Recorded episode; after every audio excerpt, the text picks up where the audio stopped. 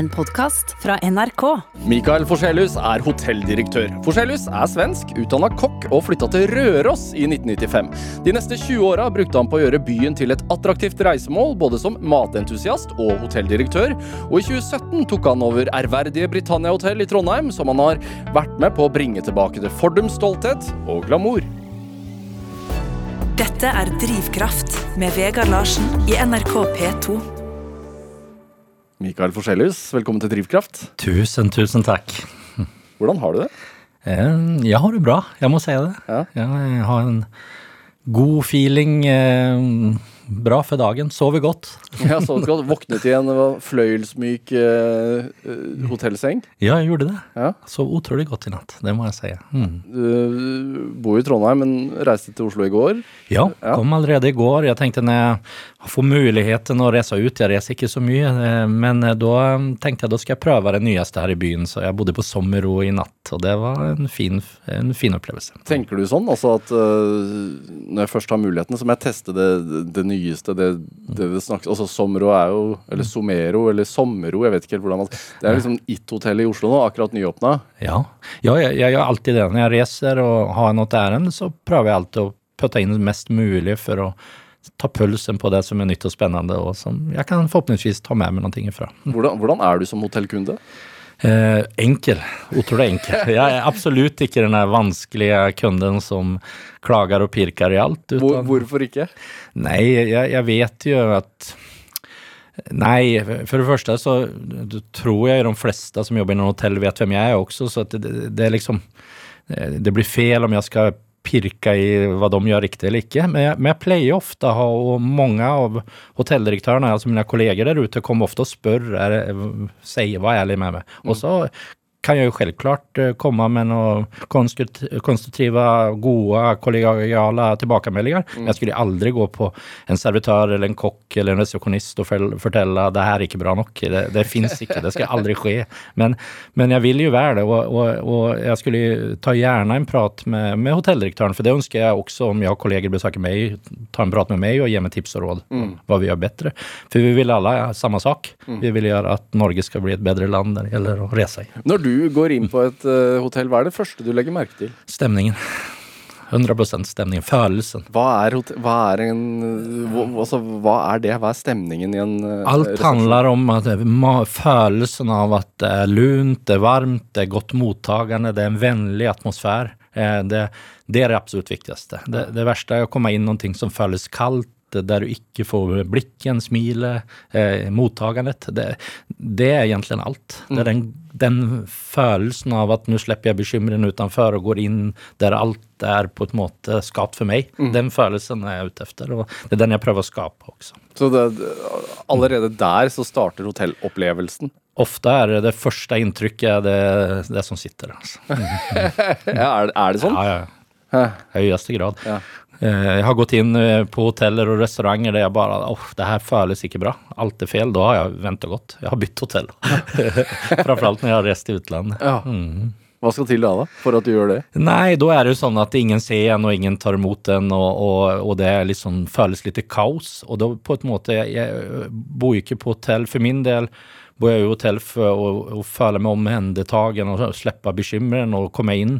Og det er bare et kaos. Og da kommer den jobbnerven i meg, og da kjennes det som jeg eh, Da blir jeg stressa. Da, eh, Og det, eh, det vil jeg ikke utsette meg selv på. Det tror jeg ingen vil bli utsatt for. Så ro.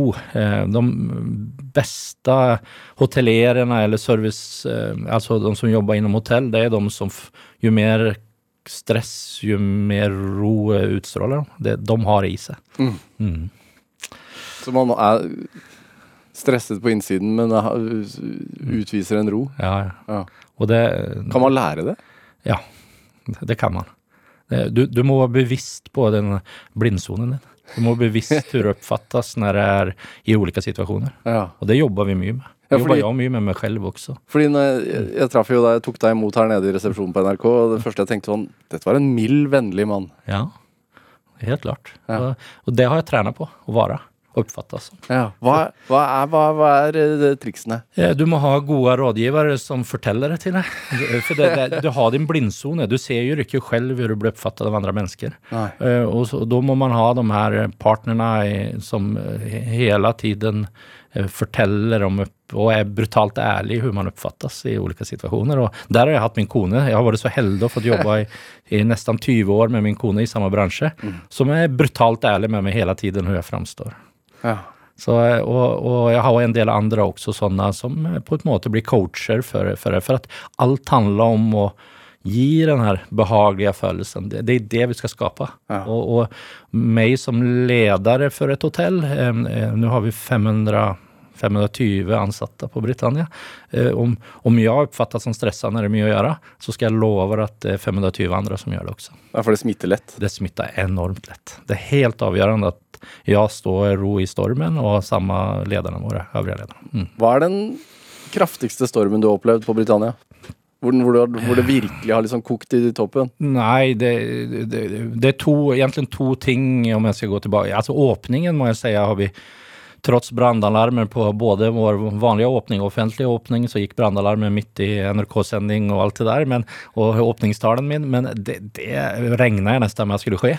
Det er sånn klassiker. Så det er egentlig to ting jeg vil løfte fram. Det ene, den første er faktisk den første 17. mai. Eh, Da hadde vi tatt imot nesten 1000 gjester. Det var liksom byens storstue hadde åpna. Vi har fullboka overalt. Det er 17. mai. Det her har byen gledet seg til i generasjoner, nesten. Eh, Og, og så serverer vi noen østers som eh, inneholdt en, en bakterie.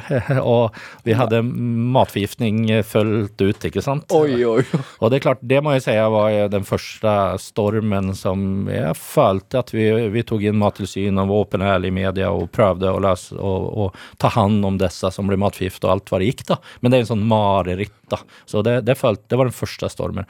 Og så har det jo vært flere hva skal jeg si, perfect storms under pandemien, da, med åpning og stenging. og føl, i, i fjor under julebordet, når vi hadde smekkfullt fullboka og vi følte at verden var tilbake og alle skulle ha julebord, og så fikk vi en total nedstenging midt i det, rett innan den største helgen vi skulle ha. Og, og du står der med å ha 500, over 500 ansatte på lønningslisten som, eh, og, og følge hus og, og alt det der, og så må vi bare Det blir ikke, det. Nei. Hva sier man da for at de skal, eh, hva skal man si, ivareta den derre Hva skal man si Energien videre? Ja, eh, man må ikke, for det første må man ikke tappe hodet, og man må være helt åpen og ærlig. ikke sant? Og, og, og de, For de ansatte så handler det jo om at man står i stormen for dem. Man må ikke gjøre de enkle løsningene. Man må, vi, mye av det vi jobber opp, eh, jobba opp mot media, at jeg var synlig og tok standpunkter til hvordan ting burde være, og alt sånt, handlet jo ikke om for å verken framheve meg selv eller, eller Britannia. Det handlet jo mest om for å vise at man slogs for de ansatte. At vi, vi, jeg gjør i hvert fall hva jeg kan for at de skal kunne ha en jobb til å gå til i morgen, og slippe å bli permittert. Og det, er der det handler om. Hmm. Dette er Drivkraft med Vegard Larsen i NRK P2. Og i dag er eh, hotelldirektøren på Britannia hotell i Trondheim, Mikael Forselius, her hos meg i Drivkraft på NRK P2. Eh, litt tilbake, du, altså, du våknet opp på sommerro i dag. Ja. Det nye hotellet i Oslo. Ja. Hva imponerte deg? Eh, jeg- liker det, Norge, det jeg har savnet i Norge, om vi ser, om vi ser ti år tilbake i tid bare, så var hotellene enormt likt. Det var, det var dominans av kjedehoteller som Og det er ikke noe feil med kjedehoteller, det er rasjonell drift, men eh, det var på en måte samme designer og samme huseier og alt det der, så alt var likt, ikke sant? Ja, hvordan så de ut? Eller ja. ser de ut? Ja, det er liksom det, det er samme knæsja ferger på rummen, og det er samme type korridorer, og det er samme eh, gildeskinka på frokostbordet og alt det der. Det er like med Sommero og mange av de hotellene som også kjedene starter nå, med By Scandic og Choice og alle, pluss masse eh, ressurssterke mennesker rundt om i Norge som starter opp hoteller som har sin egen identitet. Og det er like med Sommero, eh, om, jeg, om jeg skal snakke opp det, som, som jeg virkelig liker å gjøre, det er at de har en identitet som er noe annerledes. Det er noe internasjonalt, det er en, det er en kontinental feeling, det er, det er liveband som spiller jazz på kvelden til middagen, det er, eh, det er liksom eh, det er et design som er gjennomført i sånn 30-tallsstil, for det hører sammen med huset og arkitekturen. Så det er liksom fullt ut. Det er ikke bare at du kommer inn i det vakre historiske bygget, og så der inne så er det et et vanlig Choice Hotel eller et vanlig Scandic Hotel Mm. eller et tonhotell eller hva det kan være, som føles som det kunne like gjerne være Gardermoen. Det har de lykkes med. Og det, og det var beste feelingen med hotellet. Og det er en trend som har skiftet de siste ti årene? Framfor alt, ja, kanskje til og med fem, seks, sju årene. Ja. Ja, da har flere og flere ville ha gjort konsepter, Lage små destinasjoner. Det så vi har tenkt på Britannia også. Ja, altså fordi jeg tenker sånn, Mm. Somero kosta vel noe sånt som 2,5 milliarder å lage. Ja. Eh, Brist, eller Britannia, da dere pustet opp det, så, så så jeg vel at det var en sluttregning på 1,2 milliarder eller noe sånt. ja, stemmer det. Eh, Enorme summer. Mm. er det hva er, hva er grunnen til at uh, man plutselig har blitt villig til å investere så mye mer? Nei, jeg tror at den, eh, för det første så ser man ringvirkningene av et sånt hotell. Man ser at det ikke bare er hotelldriften som skal bære den investeringen, utan du, du gjør noe med hele nabolaget, regionen. Altså Britannia, eh, efter Britannia reåpna, så har det gjort noe med butikkene rundt. Det har masse butikker, det har blitt attraktivere å ha kontorer i nærheten, det har økt boligpriser og alt sånt där. Så det gir et sånn typ eh, hotell gir ringvirkninger eh, och som gjør at det er faktisk lønnsomt å, å investere så mye i et enkeltbygg, for det blir liksom hubben. Det gjør at attraksjonene øker i hele kvartalet. Og det er det jeg regner med at det kommer skje rundt Sommero også. Det blir attraktivere å ha kontorer, det blir attraktivere å legge butikker tett på, det er attraktivere å og, og selvklart bo tett på en sånn, der det skjer noen ting til hver tid. Det blir liksom en storstue for hele kvartalet, liksom. Men har det skjedd noe med eh, kundenes krav også? Definitivt. Nordmenn har jo blitt betydelig mer berest og sofistikert de siste årene. Det må jeg si, jeg som har sett det litt utifra. Jeg må jo si at når jeg kom for 27 år siden til Norge, så følte det jo som å komme til et gastronomisk u-land. For å døden ærlig. Brutalt ærlig. Fra Stockholm, eh, fra Stockholm til, eh, til eh, Røros og Trøndelag, det var Ja. Det må Her, jeg si. her fins det muligheter, tenkte du. Her, eh, her er det muligheter. Her har vi Klondyke. Vi må bare finne gullet, så skal vi ta det fram. Men hva, hva sier disse nye, ti, altså nye hotellene om tiden vi lever i, da? Fordi det er jo en trend at man bygger større, dyrere, eh, mer identitet, som du sier. Ja. Eh, ja, jeg tror jo at eh, Jeg håper jo å tro at de som investerer i det her, og det vet jeg jo i hvert fall når det gjelder Britannia, at det ses i lengre perspektiv. Det er ikke sånn at det er eh, det er helt fel nå å lage ting som skal bytte interiør og konsept om ti år.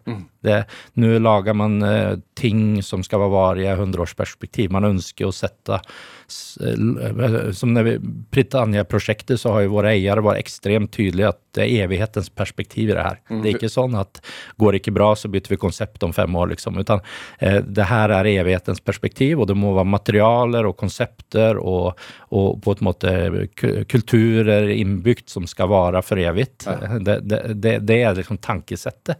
Og, og paybacken skal være i hundreårsperspektiv, på en måte. Ja. Og, det, og det tror jeg er en trend slik vært. Dreitan som Odd Reitan som eier Britannia. Og, Ja. Og, og det har vært tydelig for han at det her skal, her skal vi lage noe i evighetens perspektiv. Altså. Mm. no, noe skal stå igjen. Noe som skal stå igjen eh, og vise tidsepoken når det ble gjort. Og, og, og, skal, vi skal ikke bytte ut stolene om ti år, vi skal trekke om stolene om ti år. Vi skal, vi skal ikke endre eh, konseptet til for at trenden er at nå skal det være asiatisk mat og ikke fransk mat. utan Historien er at brasseriet vårt var et brasseri i 1897, og, eh, og, og, og det har vi tatt tilbake og laget materialer og konsepter som gjør at det skal leve på et måte for evig.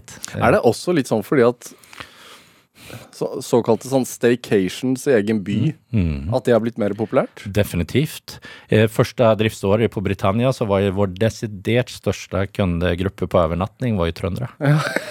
det var liksom folk fra Byåsen og Heimdal og, og Ranheim og så videre. Så når jeg stod i døren og pratet med dem og spurte om eh, god tur hjem, ja ja, vi tar bare trikken i ti minutter. Ja. Så, så det er Så det handler om å, å tre inn i en, Mm. en, ny, altså en ny verden i egen by, da, på en måte. Ja, og jeg tror kanskje her er vår- bransjes bidrag til inn i, i, bærekrafttenket, ikke sant? At vi skal lage destinasjoner og opplevelser som gjør at du trenger ikke reise langt for å oppleve noe helt annerledes. Ja. Og, og noe kvalitativt og gi varige minner. Men samtidig også så bruker man da ressursene i ting som er varige, som holder. Vi bruker ren sten, ren marmor, ren trær, ren alt, ikke sant? Som, som gjør at um, regn, det blir en helt annen bærekraft, et helt annet fotavtrykk i, i, i historien. Mm. Hvorfor er det viktig å flykte litt fra hverdagen? Jeg tror det er ekstremt viktig. Jeg tror at eh, vi er helt avhengig av det, og jeg tror at vi har merket og tenkt på det framfor alt under pandemien.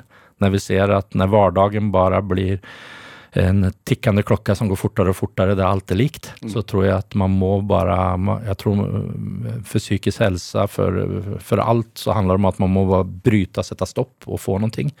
Og så vet vi at det Eh, utfordrende å reise. Det er utfordrende å reise fra familie, barn, eh, jobb og alt sånt. Og, og det er også dårlig eh, på et måte bære kraftfotavtrykk og reise for mye. Mm. Men, men, å få denne opplevelsen som gir samme effekt i hverdagen, å reise kortere, det tror jeg har blitt en sterk trend. Så, så vi har jo sagt at den ideelle kunden, eller ideelle gjesten, er jo antingen fra det vi kaller uttrøndelag, eller Trøndelag, da, mm. Eh, som skal liksom flykte hverdagen litt og vil ha en opplevelse og komme ned til Britannia og spise Michelin-mat eller få god service eller høre på en av våre konserter.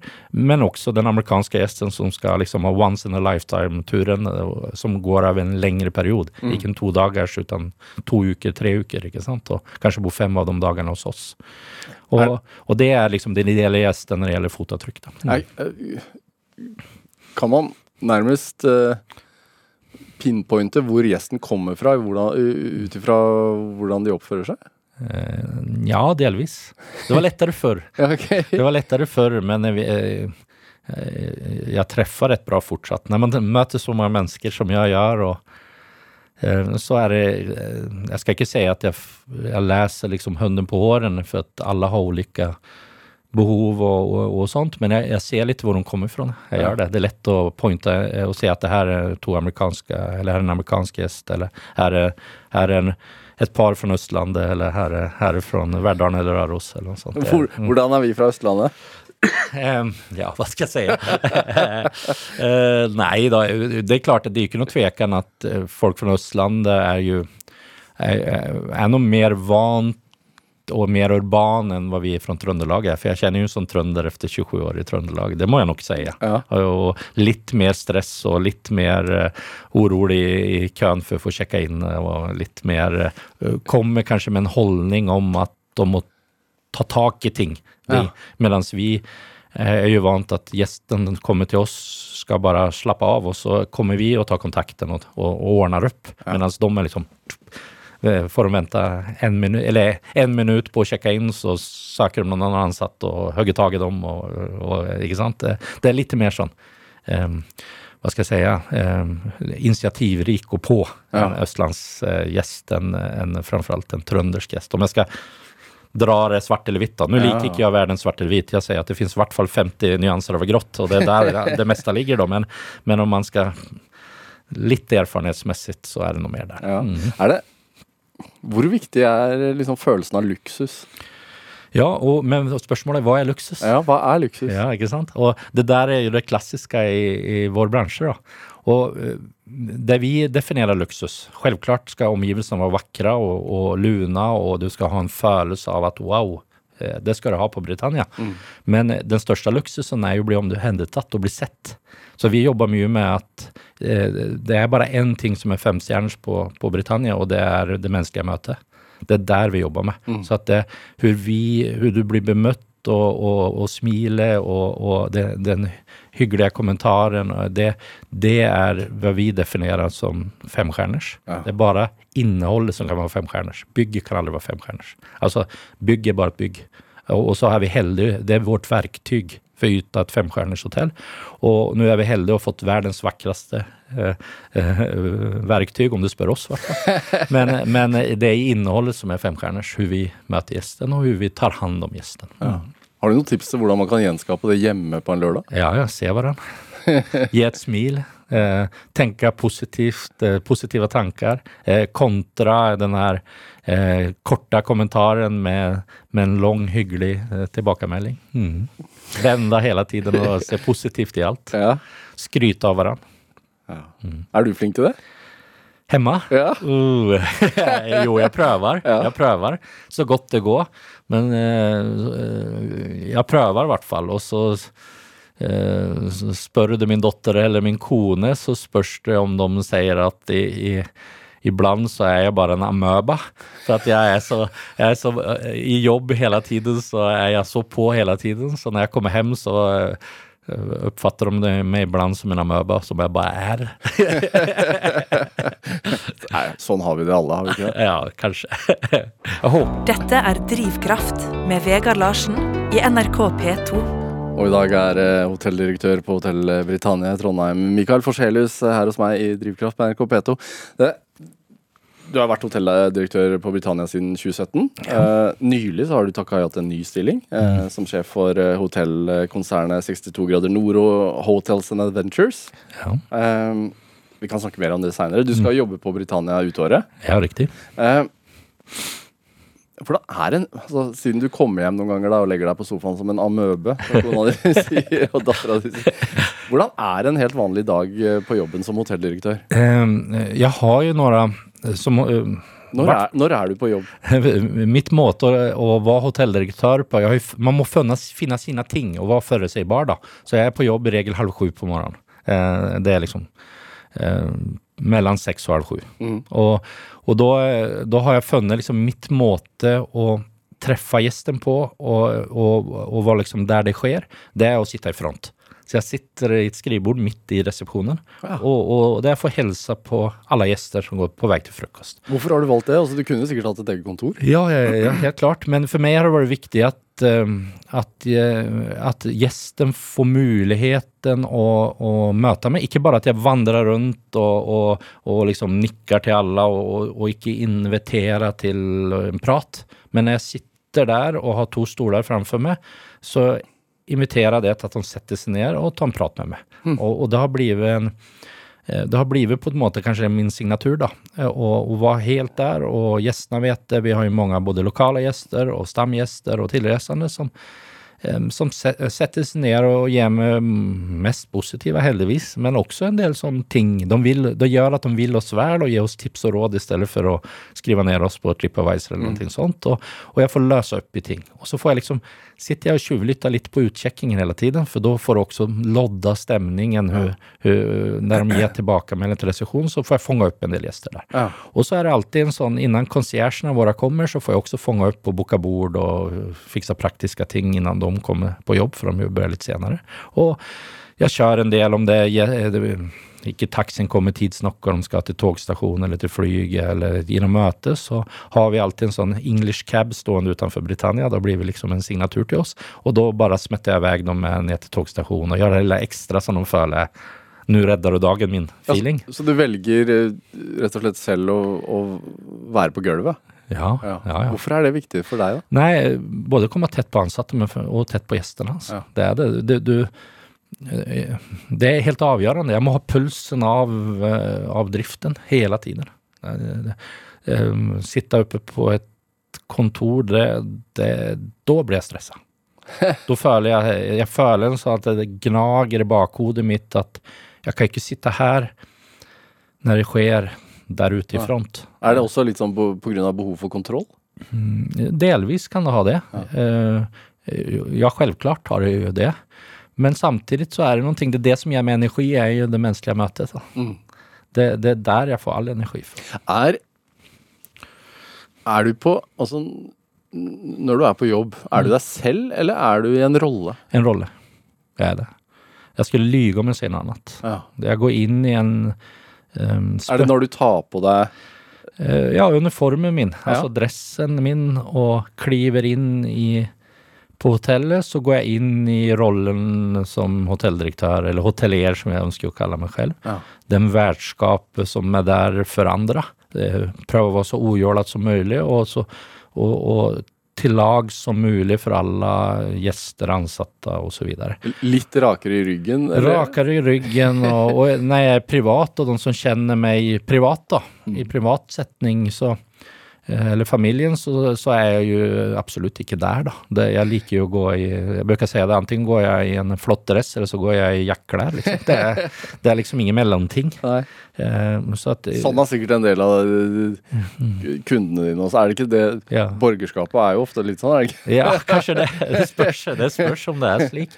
Nei, men eh, det er en rolle, Ja. og, og jeg, jeg bruker eh, vi, vi hadde en sånn eh, En av mine eh, gamle bedrifter jeg jobba i før, så hadde Det var min kone faktisk som laget oppslaget på alle dører når det tok, tok et steg inn i gjestearealet, Så, så stod det bare med store bokstaver 'Smil, du blir sett'. Nå går du inn i et område der du blir sett. Ja. Nå går du på scenen. På med smilet. Altså, du må tenke litt på det som en teaterscene. Yes, det er så vi ønsker. Det er backoffice og front office, og front office så er det smil, du blir sett. Ja. Det er ingen som kan gå ut blant gjestene og ikke bli sett. Og når du blir sett, da da er det igjen, hun er blindsonen, hun blir oppfattet som. Og det jobber vi masser med, og det er så viktig. Og så vil jeg jo, selvklart så ønsker jeg jo at jeg skal være den her hyggelige, forhåpentligvis varme menneskene også privat, da, men, men eh, det er nå en jobbrolle som har blitt skapt gjennom hele min karriere. da, at uh, jeg har hele tiden vært bevisst på hvordan jeg må jobbe med meg selv for hvordan jeg blir oppfattet. Hvorfor liker du det så godt? Jeg elsker å stå på scenen, da. Jeg gjør jo det. det jo, om du ikke liker å stå på scenen, så er det utfordrende i vår bransje og i min jobb. Altså. Du må du må eh, akseptere å bli sett, altså. Ja. Og, og at det fins liksom ingen hvile. Det fins ikke Nei, i dag føler jeg ikke på å bli sett. I dag skal jeg sitte på kontoret. Det, det fins ikke. Hva sier du til eh, teamet ditt hvis de har en sånn dag? Nei, da er det igjen, da. Husk rollen din. Du må gå inn i rollen. Du må gå inn i eh, Det, det, det er det her som kreves. Har man ikke det, det fins ikke sånne dager. Den, det kan du være på kantina eller når det er privat. Når, det- når du går ut blant gjester, så fins det ikke rom for det. Nei. Du må bare på en måte jobbe med mekanismer eh, som En av mine første store forbilder, uten at jeg har truffet ham så mye, men den første bøkken jeg leste om service, var Jan Karlsson. ikke sant? Det var liksom det. Eh, Hvem er han? Eh, Jan Karlsson var toppsjef i SAS. Han som tog liksom, gjorde, gjorde det flott å reise med fly. Det kjennes vanskelig eh, i dag. Det er lenge siden. Men, Det er lenge siden. Men han hadde jo sånn serviceskole. Han var liksom først ute i Skandinavia med ordentlige serviceskoler. Og det var liksom sånn Sett tungen i gommen, kaller han det. Sett Oi. tungan opp så det ser ut som du smiler til hver tid. Nå skal jeg ikke si at vi gjør det, for det er ikke nok i dag. Et tilklistra smil i dag, det, det, det blir det blir liksom syna på med en gang. Ja. Du, nu må du mena det, så du må bara, du må jobba med beteende, service i beteende. Og smile til varje menneske du ser, at uh, plocka upp eh, eh, små uh, pappersbitar på gulvet, rätta till stolar, alt sånt der. Det er et beteende du må innarbeide som du gjør automatikk. Så varje gang du møter en menneske så på en måte nikker og smiler og, og setter et åpent spørsmål hva, hva man kan gjøre for, for gjesten. Om de, og du, det innarbeider et beteende. Så selge service, som er det eneste forretningsideen vi har, i hvert fall, det er salg av service. Det er ikke mat, det er ikke vin, det er, vi selger service. Og skal du selge service, så må du bygge beteende om at eh, å selge service. Altså et beteende til smila til hver gjest. Et beteende som gjør at, du, at det ser strøkent ut. Et beteende som gjør at du møter en gjest som ser frågende ut, og, s- og, og stiller et åpent spørsmål hva man kan hjelpe dem med, eller, og så videre. Og det, det handler bare om beteende.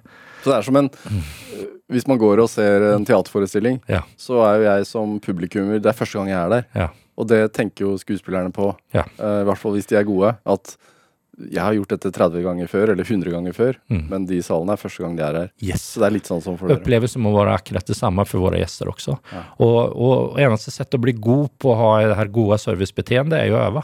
Du må bare øve, øve, øve hver eneste dag. Som, som skuespiller eh, så får man jo et kick og får applaus. Mm. Er det noe tilsvarende innenfor uh... Definitivt. Vår applaus er jo gode tilbakemeldinger. Ja. Maten var god, og servicen var fantastisk, og eh, vi kommer tilbake. Alle disse kommentarer. Du får responsen der og da, akkurat som en skuespiller får. Ja. Og det er det som er drivkraften vår. Det er det som gir oss. Er det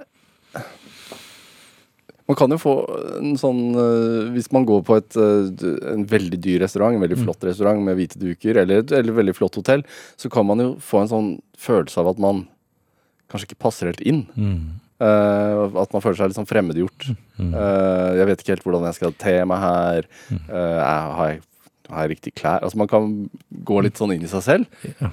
Og der er det, jo, det er jo der vi må jobbe med. Altså det er der vi må få gjesten å føle seg verdisatt og, og riktig plassert uansett. Ja. Og det er derfor vi, vi har jo på Britannia Dormans, som står der i flott hatt og alt sånt. Men personene som vi har satt som Dormans, er først og fremst vi sier det historiefortellere og innkastere, ikke, ikke andre veier. Så det, allerede der skal det være det her vennlige smilet, velkomsten på, på trøndersk og helt ujålet, og komme inn og se og oppleve. Og, og for meg har det vært viktig, mange femstjerners er slutne, men vi har ønsket å gjøre åpent. Så, så, vi har kunstutstillinger som er åpne for alle. Vi, når vi åpnet opp, så hadde vi visninger for, for alle som ønsker. Med null kroner i pris kunne du booke på Hoppla og komme og få en visning av meg mm. og vår hotellsjef. Um, så uh, det har vært viktig for oss. da. Det skal være ujålet, det skal være jovialt, men enda uh, føles luksus for at du blir om, omhendertatt. Mm. Det er konseptet. Så man kan være seg selv? Det er det viktigste av alt. Uansett? Uansett. Uansett, så lenge du oppfører deg normalt ja, det det. Eh, og, eh, og, ikke sjenerer de øvrige gjestene på en måte. Men det, folk flest er jo som er seg selv, er jo flotte folk. Mm.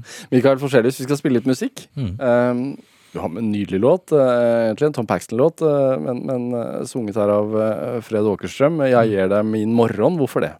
Ja, for det første så elsker jeg musikk som forteller en historie og visesång, Sverige, det hører sammen. Og jeg, og jeg er som fan av alle disse eh, rock og visesånger og poeter på et måte som har en fortellende historie. Og for meg har det betydd mye, for det har på en måte blitt min og min kones eh, sang, da. Mm -hmm. Helt sånn Men her, jeg er morgenfugl, våkner alltid tidlig, våkner før min kone, og når lyset slår igjennom, for vi, har, vi elsker å følge døgnrytmen, så lyset kommer gjennom vinduet, og hun ligger der vakker som hun er. Eh, så historien forteller egentlig mitt forhold til min kone. Og så på vårt bryllup for akkurat 20 år siden, vi har 20-årsjubileum i år, så ble den spilt og framført i Ranheim kirke av en nærslekting til oss. Og, siden dess har det vært liksom vår sang. Ja. Og forteller fortelle vår historie og mitt forhold til min kone. Ja, så du gir, gir henne din morgen? Yes.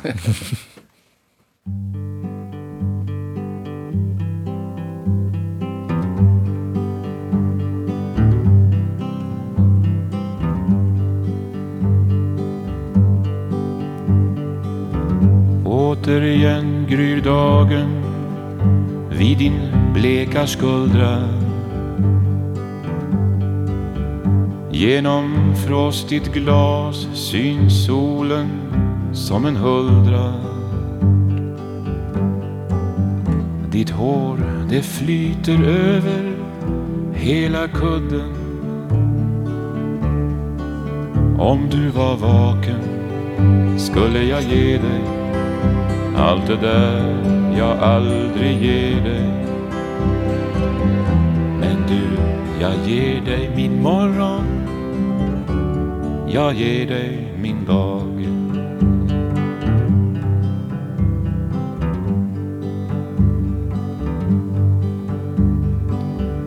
Vår gardin den böljar svagt där solen strömmar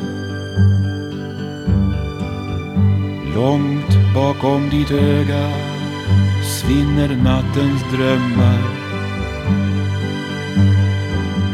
Du drömmer om något fint, jag ser du småler. Om du var vaken skulle jag ge dig allt det där jag aldrig ger dig. Men du, jag ger dig min morgon jag ger dig min dag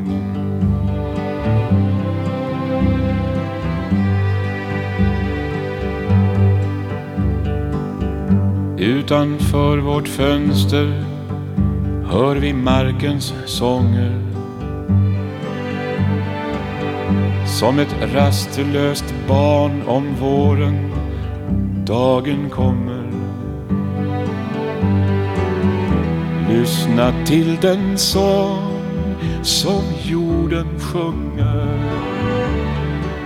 Om du var vaken skulle jag ge dig allt det där jag aldrig ger dig.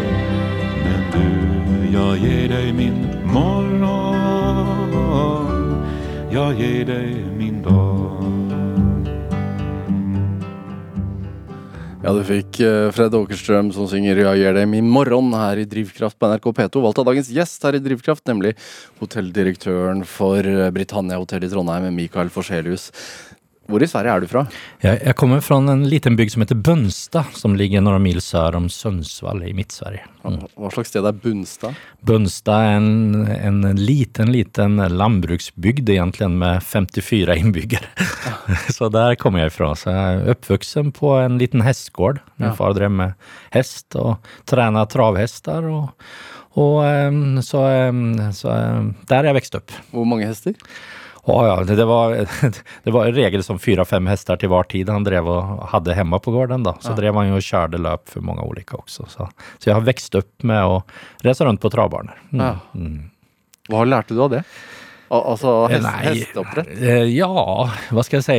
Det, alt handler jo om konkurranse, ikke sant? Og trening, trening, trening, trening. Og at man, skal man bli god, så må man trene bra, og man må trene nytt, og man må være innovativ. og og man må ikke gi opp. Og, og det var jo mye. Det var jo uansett vær, uansett eh, hverdag eller helg eller julafton, så skulle hestene trenes. Og, og han var, det var hele tiden en prat om nye teknikker og nye ting, og testa ut det her, for da hadde man et fortrinn for alle andre. og sånt. Så det var en del av hverdagen Ja. i oppveksten. Hva med din mor?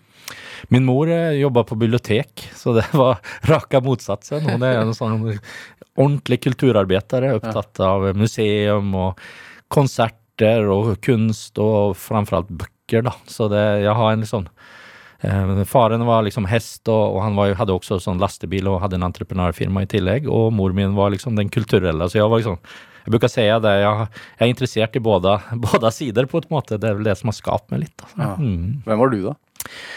Eh, jeg vokste opp Jeg, jag var utrolig beskeden. Tror eller ei. Det er mange som, blir, jeg sier det så blir folk sånn var du beskjeden? Ja, jeg var enormt beskjeden. Og det er litt igjen den der med rollen. Privat så er jeg litt, litt beskjeden. Jeg, jag kan godt være mitt eget selskap. Og når jeg vokste opp, så var jeg en utrolig beskjeden gutt. Eh, eh, drev på med fotball, ishockey og alt det der som alle andre gjorde i bygda der jeg kommer ifrån. Og så var det fiske som var det store. Jeg älskade å fiske, og da kunne jeg like gärna var borta från morgon till kväll när jag var 12-13 år och fiska själv hela dagen. Alltså, och jag trivs, det gjør jeg fortsatt. Jeg, kan, jeg, har ikke noe problem med å gå på en jakttur eller, eller stelle mig i älven helt alene i en hel dag. Ja. Eller Nej. flere dager, for den saks skyld også. Altså, så nærheten til natur og, og, og Hva skal man si? Sanking og, og jakt har vært vesentlig. Ja, i høyeste grad. Um, altså familie, jakt var, min far drev i elgjakt, og morfar var i elg, og onkel elgjakt. Og, og det, det var en viktig del og hele bygda drev med jakt. Og så fiske Og min mor var sopp da. Hun var ekstremt kunnig og interessert i, i soppsanking plukking. Ja. Så, så det, det var liksom en del av tingen Og naturen var ju det var lekplatsen min. Altså, fra jeg våkna på morgenen en fridag når jeg när jag var 6, 7, 8 år så forsvant man ut i skogen og bygde koier og prøvde å fange fisker og gjedde. Myter om den store gjedda som vi skulle ta og alt det der. Mm. Det var lekplatsen vår da jeg vokste opp. Altså. Hvor langt var det til neste nabo? Nei, det, var jo et litet samfunn, en liten klunga med flere gårder, da. Mm. Så det var ikke langt til neste nabo, det var liksom vegg i vegg, nesten. En ny gård. Så det, det, det er et litet tätt klynge med jorden og skog rundt. Så en liten klynge med, med disse noen og femti innbyggere. Og, men alle hus og alle gårder går jo rett ut i skogen fra sitt eget hold, då, eh, på et måte. Så, eh, så det var en liten klynge med barn i min ålder. Så vi var en sånn sju-åtte barn og hengte sammen og lekte og fiska og spilte fotball og alt det der. Det Du var... vil, ville ikke drive med hest selv? Nej, ikke. Jeg, jeg sier at jeg fikk overdose av hest. Nå lever ikke min far lenger, da, men det var nog den, det har jeg ju pratat med han mange ganger ettertid. Hans drøm var jo selvklart at jeg skulle bli en stor travtrener. Det er alle hans drømmer. Og han tog meg på travbanen, jeg fikk hilse på de store stjernene og alt. Så det, det er klart, drømmen hans var nå att nästa generasjon hesttrenere hästtränare skulle bli den store, Men det, det var, Jeg var litt allergisk også, så jeg, jeg føler liksom at uh, hest det var like med det klær i øynene, og så uh, var jeg liksom tvinget rundt på alt det der, så det føles ikke riktig. Så jeg bestemte meg også tidlig at det var hotell jeg skulle jobbe med. Ja. Ja. Og mat. Og framfor alt mat. Mat var vel den som har fulgt med hele livet. Det var, mor var glad i å lage mat, beste, både farmor og mormor elsket å lage mat. Mat var liksom en viktig del i familien vår. Ja. Vi er matglade, og det syns på oss. Vi, er, vi, vi liker mat, og vi er store mennesker, og vi eh, praten kring maten har vært ekstremt viktig. Også. Var med på eh, partering og slakt og Å oh, ja. Når det var eh, Antingen så hadde far min eller kjøpt noe hel gris, eller, eller så kom hos mor og morfar så hadde de jo både gris og sau og kyr og alt, så hver gang vi var besøkte dem, så kom vi tilbake med et helt dyr, og så var det borti naboen som var eh, borte i nabobygda som var en sånn gårdsslektere, og så fikk man være med og slekta der. Det var en viktig del av oppveksten, og sammen med elgjekten. Det var liksom slakta, og, og det var han som drev og slakta, var en sånn tøff type da, som prøvde å sette dit den og lure den på hvilke stykkeinndeler som var bra og dårlig og alt det Ja. der. Så det der var, en greie. Altså. Mm. Hva var liksom den store søndagsmiddagen hjemme hos dere? Nei, det, det var nok stek, da. Det var nå det. En elgstek var liksom klassisk. Eh, det, var, det var nå det store. Og så husker jeg Jeg glemmer aldri min mormor.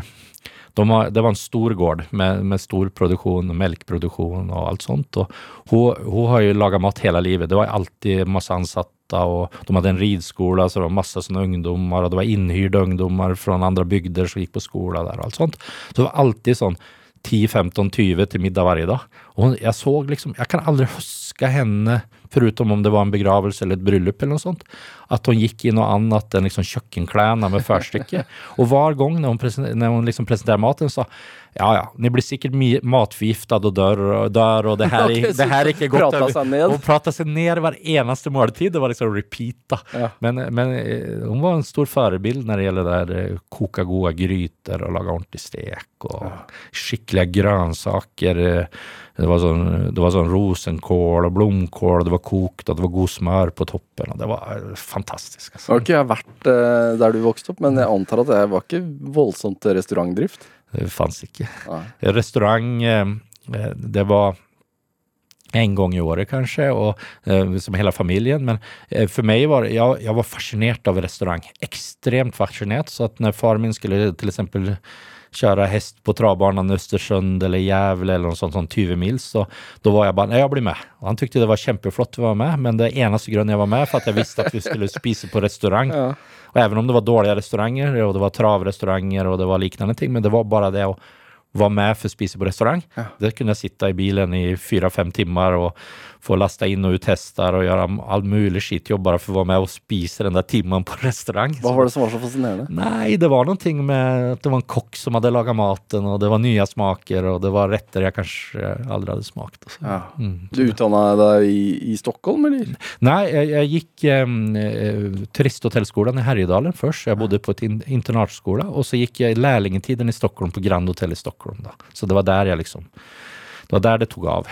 Det var der jeg bestemte Et, meg. et godt sted å gå lærling, da. Ja, ja. Det fins ingen bedre. Ikke i, Norge, ikke i Sverige, i hvert fall. Nei, For det må jo også ha vært da et av de mest liksom etterspurte stedene å få lov til å komme innenfor. Høyeste grad. Og det var liksom der, midt imot Slottet. Og, Var det et mål? Hva sa du? Var det et mål for deg? å- å ja. For deg? ja, ja. Jeg søkte bare på én plass. Det var dit jeg skulle. Jeg hadde sett om det på TV-en. Ehm, jeg hadde liksom bestemt meg. Antingen så får jeg plass der, eller så gjør jeg noe helt annet. Og da hadde jeg søkt som utbyttestudent i USA. Så det var liksom ingen alternativ. Antingen der, eller så skal jeg gå et år i USA og tenke gjennom hva jeg skal gjøre. Har du alltid vært målrettet? Ja. Hvordan har den planen sett ut? Nei, planen har vært sånn stegvis. da. Så det, det første steget var jo at jeg skulle på Grand. Jeg skulle begynne der, og jeg skulle ut i verden. Eh, jeg skulle til Stockholm. Neste steg var jo at jeg skulle på HMS Skrona og seile jorden rundt, som er militærtjenesten. Og så, eh, egentlig helt siden jeg var 14 har bestemt meg at jeg skulle bli hotelldirektør. Det, det tror jeg bestemte meg før alt det her. Altså. Det gjorde jeg. Vi hadde en, en venn i familien som var liksom forbilden min. Han var hotelldirektør i Toronto på et Sheraton-hotell. Og når han kom på besøk, og, og det var noe, hele, hele dressen hans og leiebilen, og når han fortalte om eh, livet sitt, det var bare yes! Sånn, sånn skal jeg bli. En smak av verden, liksom? Ja, en smak av verden. Jeg, jeg vil bli akkurat som han. Og jeg vil, jeg vil bli omtalt av bygda og familien og vennene på samme måte de omtalte han. Det var sånn wow! Tenk, han, han kom eh, med sam, fra samme vekst som vi. Han var Um, liksom far, min onkel, min uh, bästa kompis som växte upp och har samma förutsättningar och nu är han direktör där ute i stora världen. Liksom. Det, den måtet de pratet om han på, Ja. så ville jeg også at de skulle prate om meg på. Det var det som var hele drivkraften. Ja. Mm. Hvordan oppleves det nå å bli pratet om på den måten, da? Ja, jeg vet ikke, for jeg hører ikke selv, men jeg fantiserer om hvordan de prater om meg. da. Jeg gjør det. Så jeg har et sånt bilde der jeg tror det er, da. og så håper jeg at det er slik. da. Hvordan altså, Du satt av det målet som 14-åring, og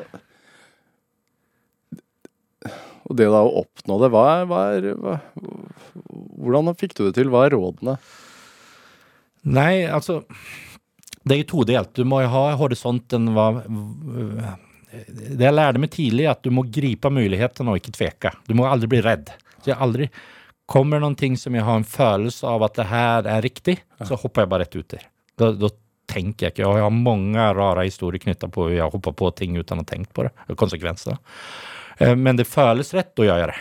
Og så samtidig må du ha den lange horisonten at veien mot. Ja. ikke sant? Og, og den hotelldirektørgreien har vært der hele veien. Even når jeg jobber som kokk og kjøkkensjef, så har jeg hele tiden tatt hver mulighet for en videreutdanning, hver mulighet når jeg trodde det var riktig steg for å komme nærmere. Har jeg hatt mulighet til å komme inn i en ledergruppe, så har jeg tatt den. Har jeg mulighet at uh, nå er det mulig for å ta en etterutdanning, så har jeg tatt den. Jeg har, jeg har jobba alltid litt mer, prøvd å lært meg litt mer. Og så har jeg också også prøvd selvklart å knytte nettverk. Det handler mye om nettverk. vet du. Det, det er litt sånn fy-fy å snakke om det i Norge, men det handler om det òg.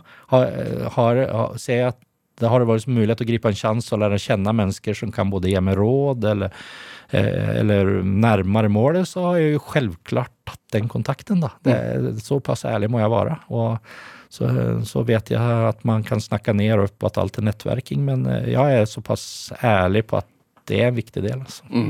Hvorfor er det sånn? Altså, det- Servicenæringen eh, opplever jo at eh, det er for få. Ja. Hvorfor, hvorfor, er, hvorfor er det For sånn? lite forbilder og viser fram muligheter. altså. Det er det. Um, ofte blir de altfor korte kort i arbeid. Uh, ofte så byter man jobb. Uh, uh, allt f- minsta lilla motstånd så byter man jobb og så tror man er bedre på neste side.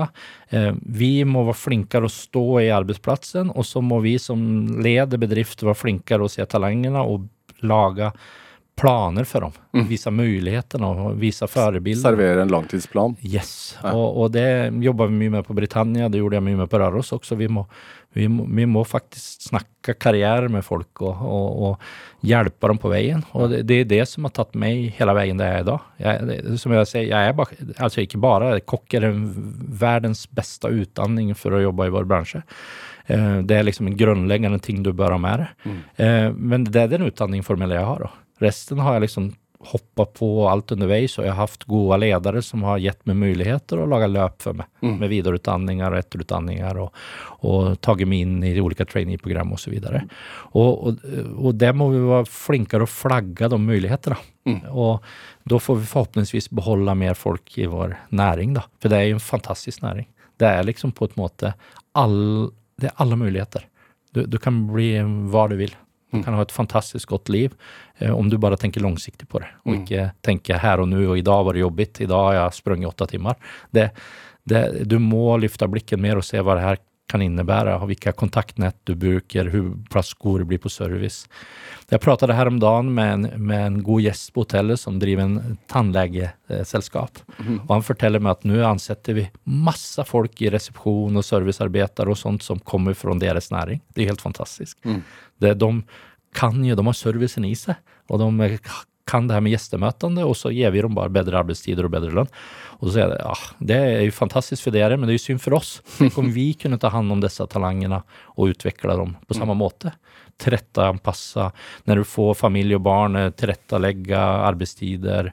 Um, Selvklart må de jo um, ta de her senkveldene og helgene også, men i hvert fall rullere mer for å beholde dem. Og, og, og, um, og ikke at vi mister dem bare for at de har noen år der de um, der de um, må være hjemme mer på kveld. Da må vi heller kunne tilrettelegge de årene for å beholde dem også etter, når de har mulighet til å jobbe igjen. Hvordan, hvordan bygger man selvtillit?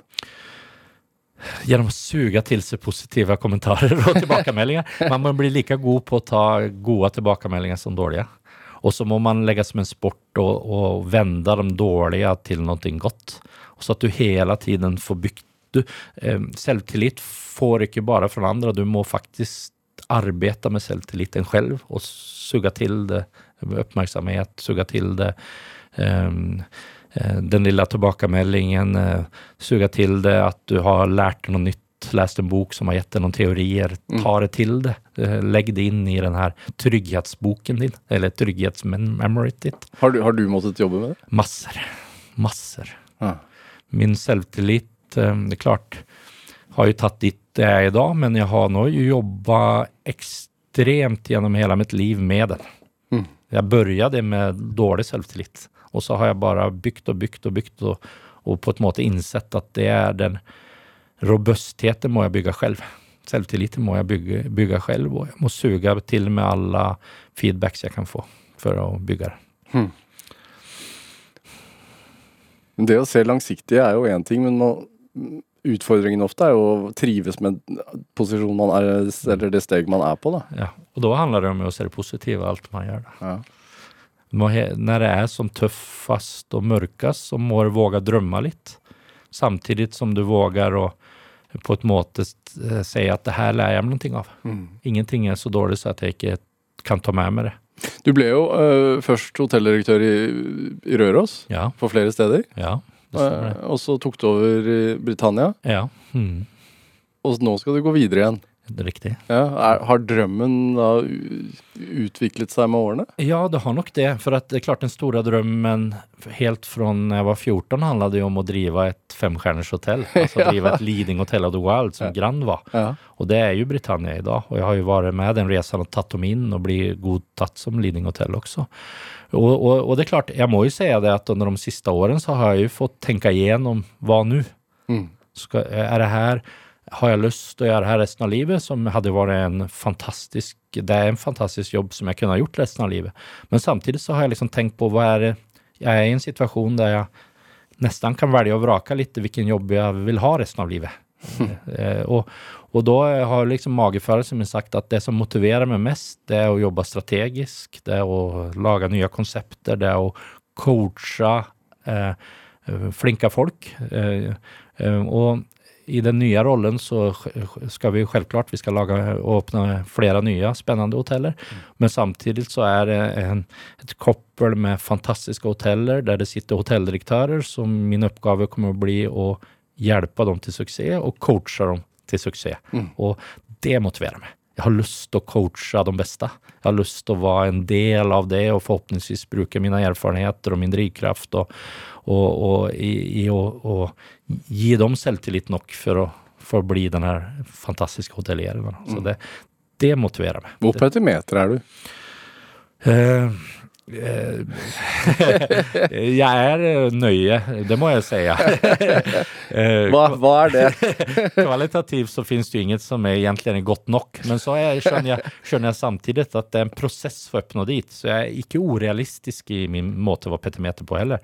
Men det er klart eh, jeg er jo selvklart ekstremt detaljfokusert i å, hva, hva, kan være det liksom minste Altså hva detalj som man som gjest kanskje aldri tenker på, men Nei, at uh, puten uh, Jeg vet ikke hvor mange ganger om dagen jeg går og, og, uh, og, og retter til putene i, i fellesområdene, at de skal stå på et visst måte, og stoler skal stå rakt, og det skal, galger skal være dratt sammen, og, og den her ekstrastolen som ikke bruker restauranten, skal ikke stå utenfor, og, og, og rettene skal være liksom eksakt de skal se likadan ut hver, hver gang, for det er vi enige om. Og så mm. kan det være en prosess der alle får kreativa fram til vi skaper en meny eller en rett, men, men når vi har bestemt oss, så skal det være slik. Men hvorfor er det viktig at f.eks. gaffel og skje liksom ligger hva er det, to centimeter fra bordkanten, eller ja, hva det er? Hva ja. det? Hva er... Nei, det er noe med oppfattelse. Hva er det den skal ligge?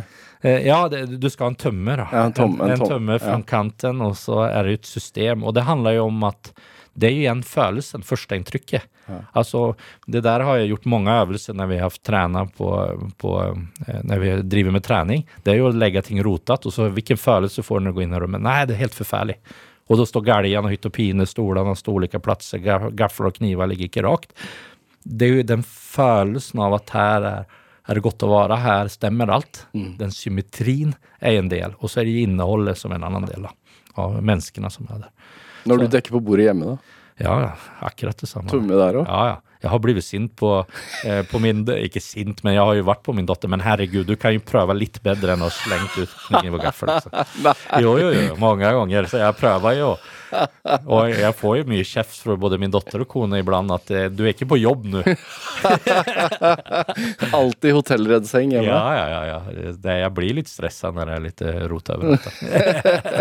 Eh, Mikael Forskjellis, hva, hva er den store drivkraften? Altså, det, Jeg tror at vi må gå tilbake til den der som jeg nevnte i starten, om hvordan man ble omtalt. Den der respekten som ble omtalt av forbildet min da jeg var barn. Tord. Eh, Drivkraften er å være den som eh, har gjort noe, har gjort noe annerledes. Eh, Det kommer tilbake litt til Jeg husker når jeg begynte på Turisthotellskolen, så fikk vi jakker der det stod Turisthotellskolen Herjedalen i. Og så gikk jeg blant gamle kompiser. Ah, 'Har du flyttet til Herjedalen? Det er kult.' Eller når jeg begynte på Karlskrona, kongeskipet som seilte jorda rundt, og jeg gikk rundt med uniformen. Karlskrona, er den? Kongens skip, ikke sant? Det, og, og det ble Å gjøre noe som eh, tar en dimensjon videre. Eh, jeg tror jo at anerkjennelsen er den største. Eh, jeg har aldri noensinne, og kan si handen på hjertet, jeg kommer aldri drive oss av penger. Utan det, det, er, det er på en måte å skape, anerkjenne, og jeg har jo satt det litt som nå skal jeg være ordentlig flåsatt, da, men eh, eh, jeg løfter Røros, og det var en misjon. ja. Eh, Jeg ry- Trondheim nå med Britannia, med god hjelp av eh, fantastiske eiere og fantastisk 500 ansatte, så jeg skal ikke si jeg gjorde det selv. Og nå skal vi løfte Norge. og det er klart, det, det er ekstremt flåsatt, og man må, ta det, man må ikke ta det ordagrant som jeg sier det, men man må ha noen sånne mantraer i, i hodet. Nå nå vil jeg være med og skape en produkter som er fantastiske i Norge. Mikael Forskjellius, eh, tusen takk for det. Tusen takk for at du kom hit til Drivkraft. Fantastisk hyggelig. Takk for det. Hør flere samtaler i Drivkraft eh, på nrk.no eller i appen NRK Radio. Send oss gjerne ris eller ros og tips til mennesker du mener har drivkraft. Send en e-posten til drivkraft.krøllalfa.nrk.no. Vi hører veldig gjerne fra deg. Produsent i dag var Kjartan Aarsand, mens Solveig Sørbø gjorde research til denne sendingen. Dette var Drivkraft. Jeg heter Vegard Larsen. Vi høres. En podkast fra NRK. Hei, har du lyst til å bli rik? Sånn skikkelig rik? Seks Seks millioner norske er det største jeg har vunnet på én dag. Jeg heter Kristian Strand, og i podkasten Millionærhjerne møter jeg unge mennesker som tjener sykt mye penger. at jeg har på konto alltid minst tre millioner. Minst. Lær deg de smarte triksene fra pokermillionæren, musikkmillionæren eller gamingmillionæren. Millionærhjerne hører du først i appen NRK Radio.